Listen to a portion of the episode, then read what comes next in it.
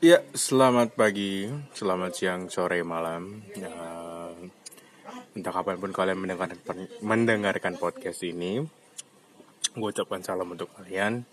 Uh, gue sendiri nge-record ini di hari Jumat uh, jam eh enggak, sekarang udah hari Sabtu masuknya. Hari Sabtu jam 2 pagi lewat 6 menit. gue sudah mulai membiasakan diri untuk uh, nge-record setiap setiap hari Jumat supaya ya continue aja gitu biar ada biar produktif lah gitu. Ngomong-ngomong maaf kalau misalnya misalnya ada suara-suara gimana itu dari teman-teman gue yang ada di dalam. Karena gue tuh sekarang rekamnya lagi di teras rumahnya teman gue. Sebenarnya ada beberapa tema yang pengen gue bahas nih. Yang pengen gue apa ya yang pengen gue sampaikan. Yang menurut dan itu menurut opini gue juga tapi uh, tema yang ini yang mau gue sampaikan sekarang itu adalah tema yang menurut gue cukup relevan banget sekarang nih di tahun 2020 dan di saat-saat orang akhirnya mulai beraktivitas beraktivitas lagi normal seperti biasanya. Sebentar ya. Be right back. Misalkan dari depstep gitu gue masukin ke big beat? Penanya gimana sih? Maksudnya gimana misalkan dari depstepnya gue lagi asik. Terus gue mau ngelow mau ngebreak lah. Oke gue balik lagi. Habis ngambil asbak. Apa itu? Yaitu mengenai pernikahan.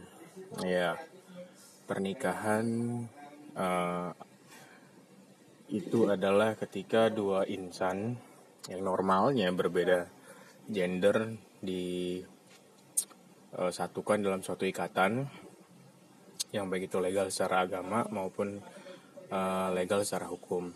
Uh, kenapa? Gue pengen ngebahas pernikahan karena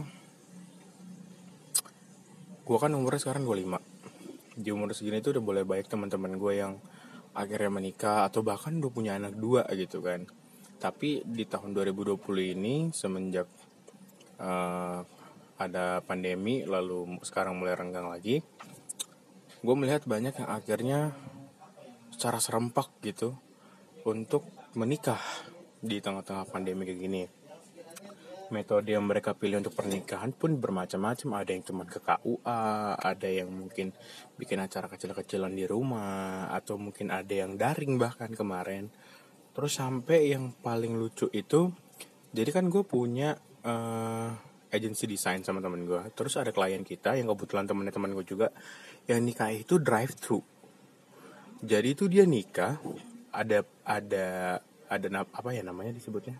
Ada pelaminannya tapi nggak ada bangku bangku untuk tamu. Jadi itu cuman kayak di depan pelaminan itu langsung jalan gitu. Yang di mana orang ini lucu banget sih. Jadi tuh orang cuman kayak lewat bawa kaca mobil saleman terus udah pergi. Terus dikasih nasi kotak gitu atau gimana. Dan itu ada kejadian gitu kan. Nah uh, macam-macam ya orang nikah tuh caranya gimana sekarang tuh. Ada yang di hotel. Nah teman gue ini minggu depan mau nikah di hotel. Gue lupa ya hotel hotel mana. Cuman itu tuh kayak private party gitu. Dan untuk cuman kayak layer satu layer dua gitu doang sih. Dan gak yang banyak-banyak juga. Nikah di hotel. Ada juga yang ya tadi gue bilang cuma nikah UA terus uh, akhirnya sah secara agama sah secara hukum jadi suami istri.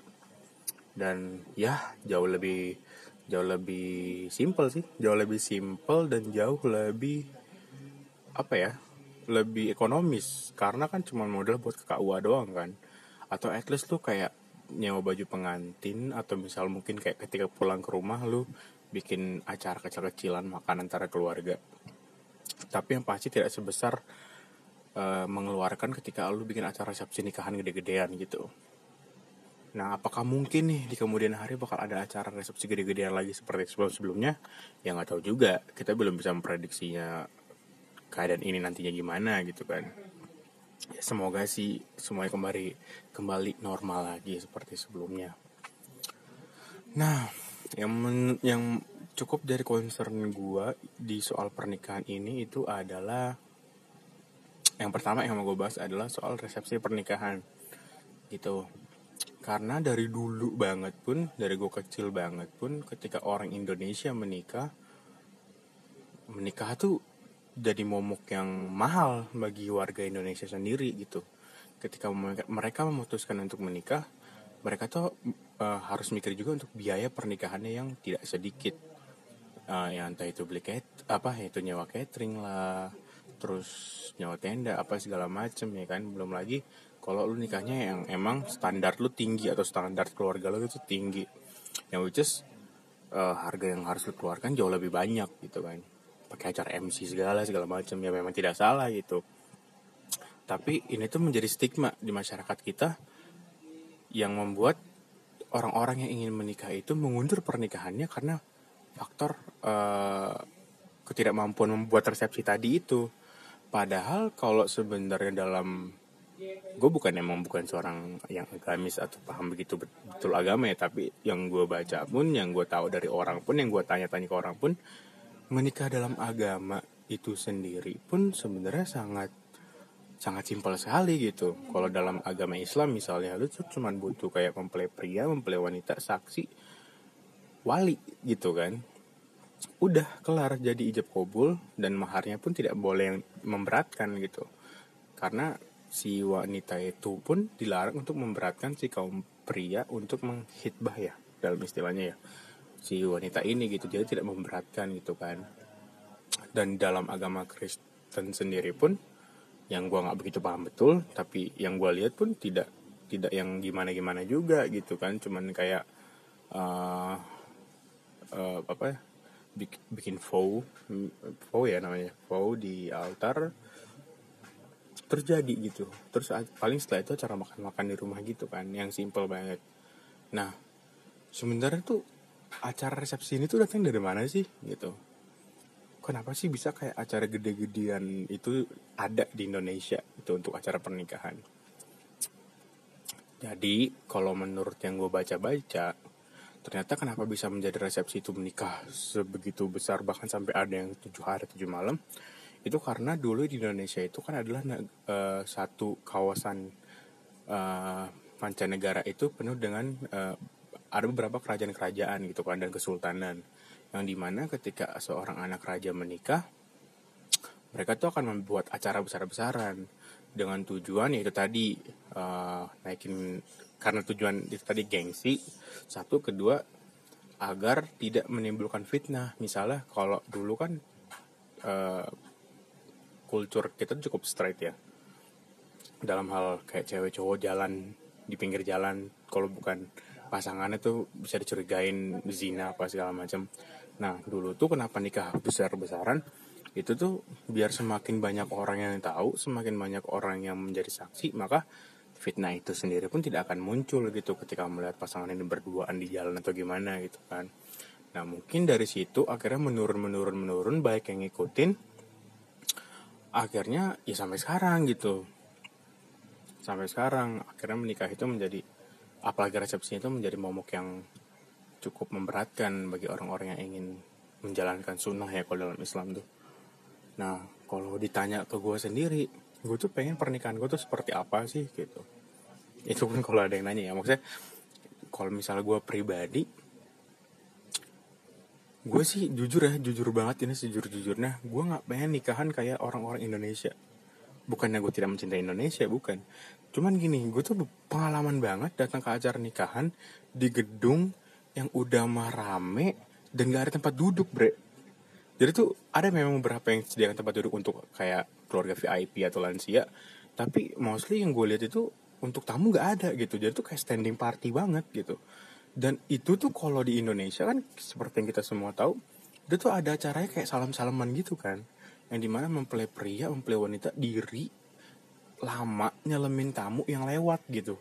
Kayak bergiliran terus terus terus dan gue ngeliat itu tuh melelahkan gitu. Gue tuh pengen di hari pernikahan gue nanti gue tuh masih punya cukup energi untuk menghabiskan bulan madu misalnya sama istri gue gitu kan. Dan akhirnya karena hal itu yang melelahkan itu gue sampai berapa kali temen gue ngeluh yang udah nikah dia bilang gak ada yang namanya bullshit kalau ada yang bilang lu bisa malam madu di malam pertama hari pernikahan lu. Gak ada men. Itu lu pasti lu tidur karena lu tuh capek banget. Seharian tuh diri nyalam nyalamin orang gitu.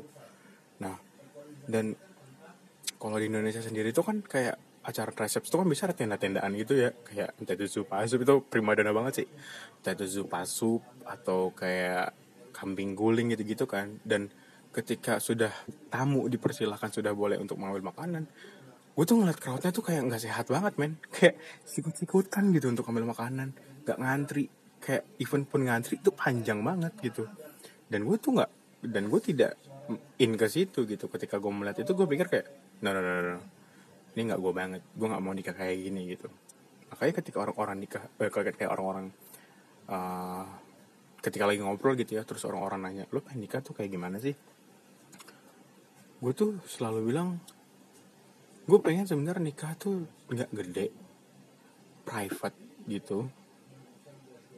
Tapi luxury gitu. Jadi kayak kayak nikahan orang orang luar sih sebenarnya. Kayak yang lu nyamperin ke tamu gitu kan. Atau misalnya kayak makan bareng gitu kan. Terus yang ada acara pidato dari pihak keluarga. Atau misal kayak penyampaian kesan pesan dari sahabat atau adik atau kakak gitu kan. Gue pengen kayak gitu sih gue pengen yang lebih intimasi aja gitu antara keluarga dan teman dekat aja gitu kan. Karena gini kalau menurut gue ya ketika lu bikin resepsi gede ketika semakin banyak orang yang datang ke nikahan lu dan ketika ada celah di hari pernikahan lu itu di acara resepsi di acara resepsi lu itu entah itu yang makanan lu gak enak entah itu yang hospitality dari si wedding organizer yang kurang atau misalnya mungkin ada detailnya yang kurang ada aja pasti orang yang ngomongin pernikahan lu ketika sudah selesai ke pernikahan lu paham nggak?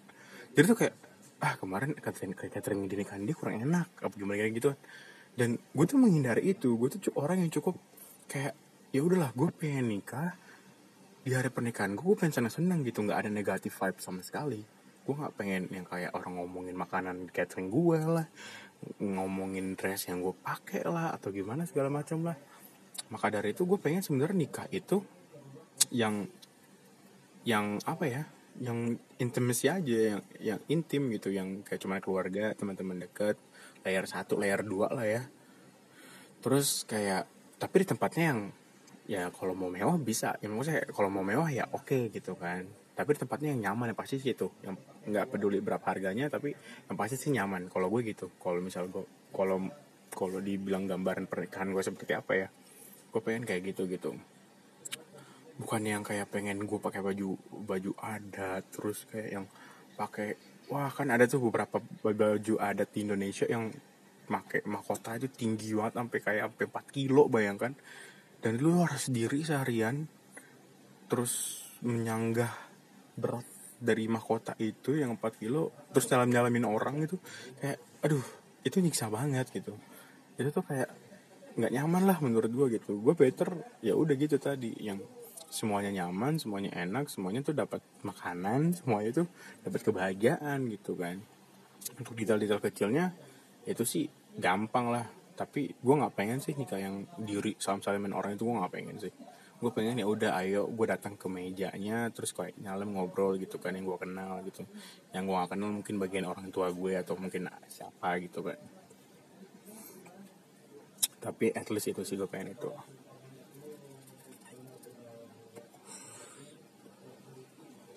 terus yang kedua yang pengen gue ngomongin juga banyak banget ini banyak banget pertanyaan. Yang ketika lo dipilihkan antara di yang ketika lo dihadapkan dengan dua pilihan lo mapan dulu baru nikah atau nikah sembari mencari mapan? Lo tuh yang gimana? Kalau gue gue adalah orang yang ketika gue pengen nikah dan gue siap nikah gue nikah. Tapi bukan berarti di situ gue sudah mapan ataupun di situ gue uh, uh, belum mapan. Maksudnya gini. Uh, kalau lu nunggu mapan dulu dari segi finansial ya dari segi finansial kayak lu harus punya rumah dulu harus punya mobil dulu harus punya kayak income uh, 20 juta sebulan gitu. Ya gue yakin sih lu gak bakal nikah nikah lama gitu mengingat mengingat zaman sekarang yang nyari kerja aja susah gitu kan. Kecuali lu pengusaha maybe dan itu pun butuh proses kan. Ya nggak sebentar gitu kalau lu nunggu kayak gitu ya menurut gue kayak nggak banget sih gitu kan. Dan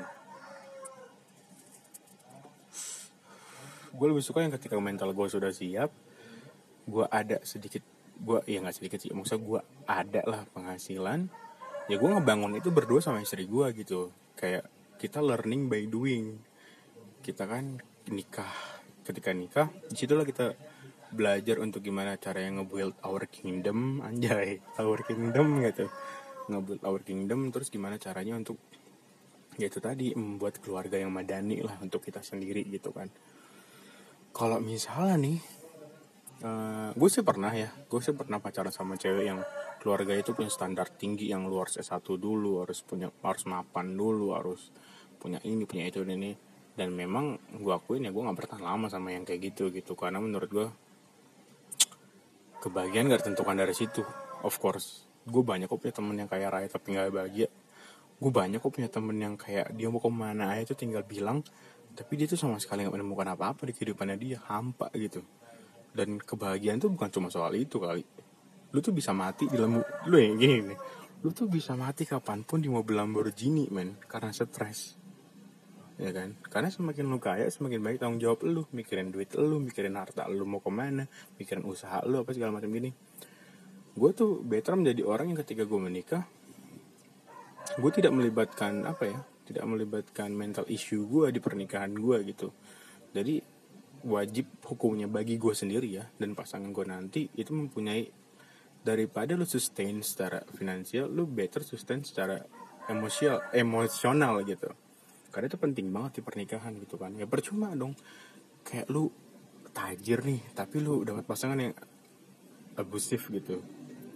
Terus kayak dapat pasangan yang toksik kerjaannya tuh menghina atau misalnya kerjaan lu tuh suka merendahkan lo bilang ya nggak produktif juga lu nya gitu kan. Ayam sudah berkokok sebentar lagi sepertinya azan. Gitu kan dan itu tuh nggak banget menurut gue gitu kayak menikahlah ketika lu siap untuk menikah bukan karena lu pengen karena lu pengen dibilang laku atau karena lu ikut temen-temen lu.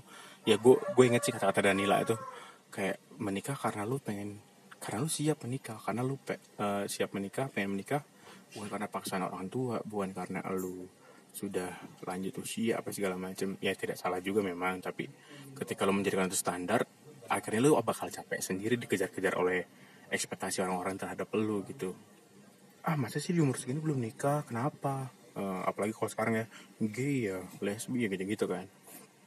Nah menurut gua perlu ada sedikit seni untuk bodoh amat sih untuk menanggapi hal-hal kayak gitu cie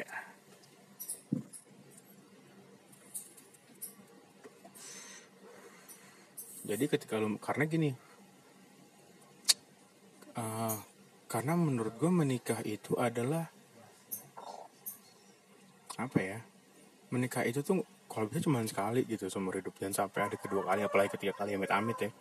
Kalau gue pribadi yang better ketika gue ketika gue menikah kepada sesu menikah dengan seseorang seseorang itu tuh udah punya semuanya buat gue. Maksudnya gini bisa bukan hanya bikin gue nyaman secara finansial eh kalau finansial sih pasti urusan gue ya. Tapi bukan cuman biar bisa ngatur finansial gue tapi dia juga membahagiakan buat gue gitu. Bisa menjadi support system yang baik pemberi motivasi yang baik terus mengerti gue gimana how to treat me gimana gitu kan. Ya itu tuh penting gitu dan nggak cuma di soal harta doang gitu. Lebih teranjang juga lu harus penting harus bisa gitu kan. Dan yang penting ya pernikahan itu lu harus ini sih harus harus bisa melepaskan beban masa lalu lu gitu. Ketika lu menikah karena untuk pengalihan dari mantan misalnya wah itu salah banget men. Gila salah banget. Gue kenal beberapa orang yang melakukan hal itu dan mereka gagal dan akhirnya cerai. Sumpah jangan lakuin hal itu. Jangan nikah cuma karena lo merasa lu butuh pelarian jangan. Aduh nggak. Itu nggak banget sumpah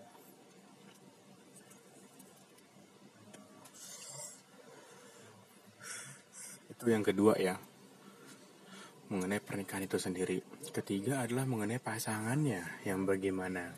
Lagi-lagi ya gue nggak bisa menerapkan standar ke orang lain. Nah ini gue cuma ngomong tentang opini gue pribadi. selain orang yang emang siap secara mental stabil secara mental juga kalau nikah itu kan gimana ya?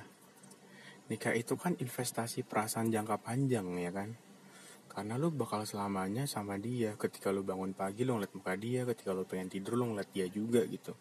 Jadi better kalau lu mau nikah nikah dengan orang yang emang it sounds bullshit and naive but nikah sama orang yang lu cintain gitu. Jangan jangan cuma ngeliat value-nya dia sebagai apa ya sebagai sebagai seseorang. Misalnya kayak dia seorang manajer dia seorang apa segala macem dia orang yang pintar gimana gitu. Jangan sih. Lu better nikah sama orang yang mau cintai. Ya kalau ngomong cinta di generasi sekarang kayaknya udah bullshit ya karena udah udah banyak banget orang sekarang itu yang nggak appreciate hal itu lagi dan tidak mempercayai hal itu gitu. Banyak orang yang sekarang tuh eh, realistis aja lah bla bla bla tapi nggak men. Ketika lu nikah lu realistis. Realistis tuh bisa dikalahkan dengan rasa nyaman asli sumpah banyak teman gue yang kayak gitu. Uh, ya itu tadi menikahlah dengan orang yang lu cintai yang benar-benar tahu lu gimana yang benar-benar tahu lu ngetrit lu gimana yang benar-benar paham dengan kondisi lu dan kemampuan juga kekurangan lu yang bisa menerima itu semua dan yang bisa apa ya dan yang bisa membahagiakan lu gitu. Uh, temen gue namanya Rojak dia kebelet banget nikah tapi dia sampai sekarang belum nikah karena dia nggak belum nemu orang yang secara fisik secara muka dia nggak suka. Eh, dia dia suka. Karena gini ketika rojak uh, curhat ke kakaknya yang sudah menikah dan curhat ke ibunya dua orang ini tuh kompak bilang ketika kamu nikah nikah sama orang yang emang wajahnya pun bikin kamu nyaman gitu. Karena ya itu tadi ketika ketika lu bakal setiap hari ketemu dia men bakal tidur sama dia bakal bangun dan sebelahnya ada dia gitu. Ketika lu nikah dengan orang yang cuman ah yang penting gue uh, kaya gitu nikah sama dia. Lu ketika bangun ngeliat mukanya tuh kayak ah itu tuh nggak nyaman gitu dan kenyamanan itu penting. Dan untuk ini sih untuk cewek-cewek ya. Kalau untuk cowok-cowok sih gue yakin kayaknya nggak begitu nggak begitu na, nang apa nggak begitu nerapin standar terlalu tinggi untuk pasangan karena mereka banyak sih dari kaum kaum gue tuh yang menyadari bahwa toh di akhir cerita lo yang jadi imam gitu lo yang bakal bertanggung jawab atas semuanya gitu. Jadi gue mau pesen untuk ke cewek-cewek karena teman-teman gue pun baik yang cewek juga. Kalau lu mau ninggiin standar lu mencari pasangan seorang pria yang sebla bla bla bla seperti yang lu pengen lu juga harus upgrade diri lu gitu. Jangan lu pengen nikahin pangeran tapi lu masih seorang babu jelata. Jangan itu namanya mimpi gitu kan. Itu kayak kejadian sejuratus juta banding satu gitu itu ada gitu. Jadi better kalau lu mau nikahin pangeran ya lu harus jadi putri gitu. Lu harus mengupgrade diri lu lu harus mengupgrade mengupgrade skill lu gitu kan. Lu kalau pengen jadi istri yang menjadi seorang istri idaman ya pelajari cara yang menjadi seorang istri idaman gitu. Jangan lu berpaku pada ah nikah itu kan kedua belah pihak. Itu tuh harus kerjasama. Ya iya memang. Tapi yang gue bilang tadi kenyamanan itu dilihat juga dari dari orang gitu. Kayak kayak sekerja sama kerja samanya kalian pun kalau misalnya kalian nggak nyaman sama pasangan kalian ya kandas kandas juga gitu kan. Ya better nyari yang memang bikin lo nyaman gitu yang paham lo gimana yang menerima lo apa adanya yang ya itu tadi. Ini aduh gue sebenarnya agak gue juga pribadi agak cringe sih ngomong ini tapi cari yang emang lo cintain dan mencintai lo itu penting. Sumpah itu fundamental banget tapi udah banyak sekarang orang yang lupa. Itu jadi kayak studi kasus studi kasus nggak tuh? Kayak kasusnya gini. Gue punya temen yang udah pacaran tiga tahun ya kan? Udah mau nikah nih. Cuman si cowoknya ini eh, karena suatu dan lain hal satu dan lain hal tidak bisa menikahi wanitanya ini di tahun itu gitu. Karena mungkin ada harus kerjaan yang harus dia urus. Karena dia harus menggaji pegawainya jadi terpaksa dia harus nunda nunda nunda apa? Nunda pernikahan karena uang persepsinya tuh pakai buat ngebayar pegawainya. Dan akhirnya karena ceweknya nggak sabar nunggu di minggu selanjutnya ceweknya tuh nikah. Ini literally beneran ya. Seminggu selanjutnya ceweknya tuh nikah sama cowok lain yang baru dia kenal. Gitu. Dan itu menurut gue kayak kok bisa lu menikah dengan orang yang baru lu kenal mengikat hidup lu seumur hidup sama dia padahal ada orang yang udah lama kenal sama lu paham nggak? Yang udah tahu lu gitu. Kok bisa lu semudah itu akhirnya menjadi istri seseorang yang baru lu kenal? Gua agak nggak paham sih. Gitu ya. Nggak paham sih. Ya pasti bakal ada yang ngomong lah tapi ke di dalam agama ini nih ada kok yang ketemu langsung nikah. Ya ilah bre mereka juga ketemu kalau langsung nikah banget kali. Ada masa pengenalannya dulu mereka juga gitu kan. Dan mereka nggak pacaran itu loh makanya terkenal dikenal ada istilah ta'aruf gitu untuk untuk lebih mengenal gitu kan. Nah ya itu tadi. Jadi kalau lo nikah buru-buru cuma karena lo kesepian kayak lu kayaknya kasihan banget deh kalau lu kayak ngomongin soal pernikahan aduh siapa yang mau nikahin gue siapa yang mau nikahin gue? Bukan gue harus menikah yang seperti ini gitu. Kayaknya lu lu kayak jualan tuh nggak? Jadi kayak siapa aja lah gitu.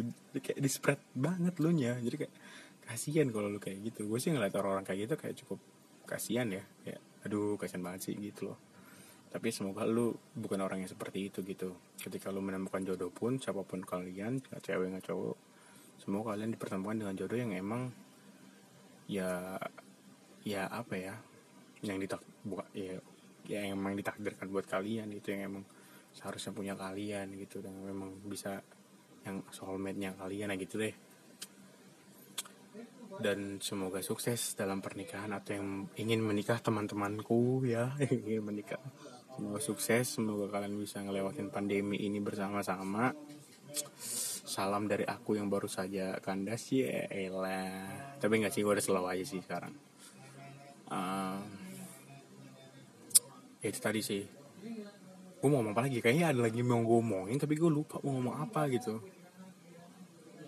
Hmm, intinya itu tadi satu ya. Satu tuh ya ya nikah lah kalau emang lu siap nikah gitu. Kedua jangan terlalu muluk-muluk nentuin standar acara pernikahan tuh kayak gimana.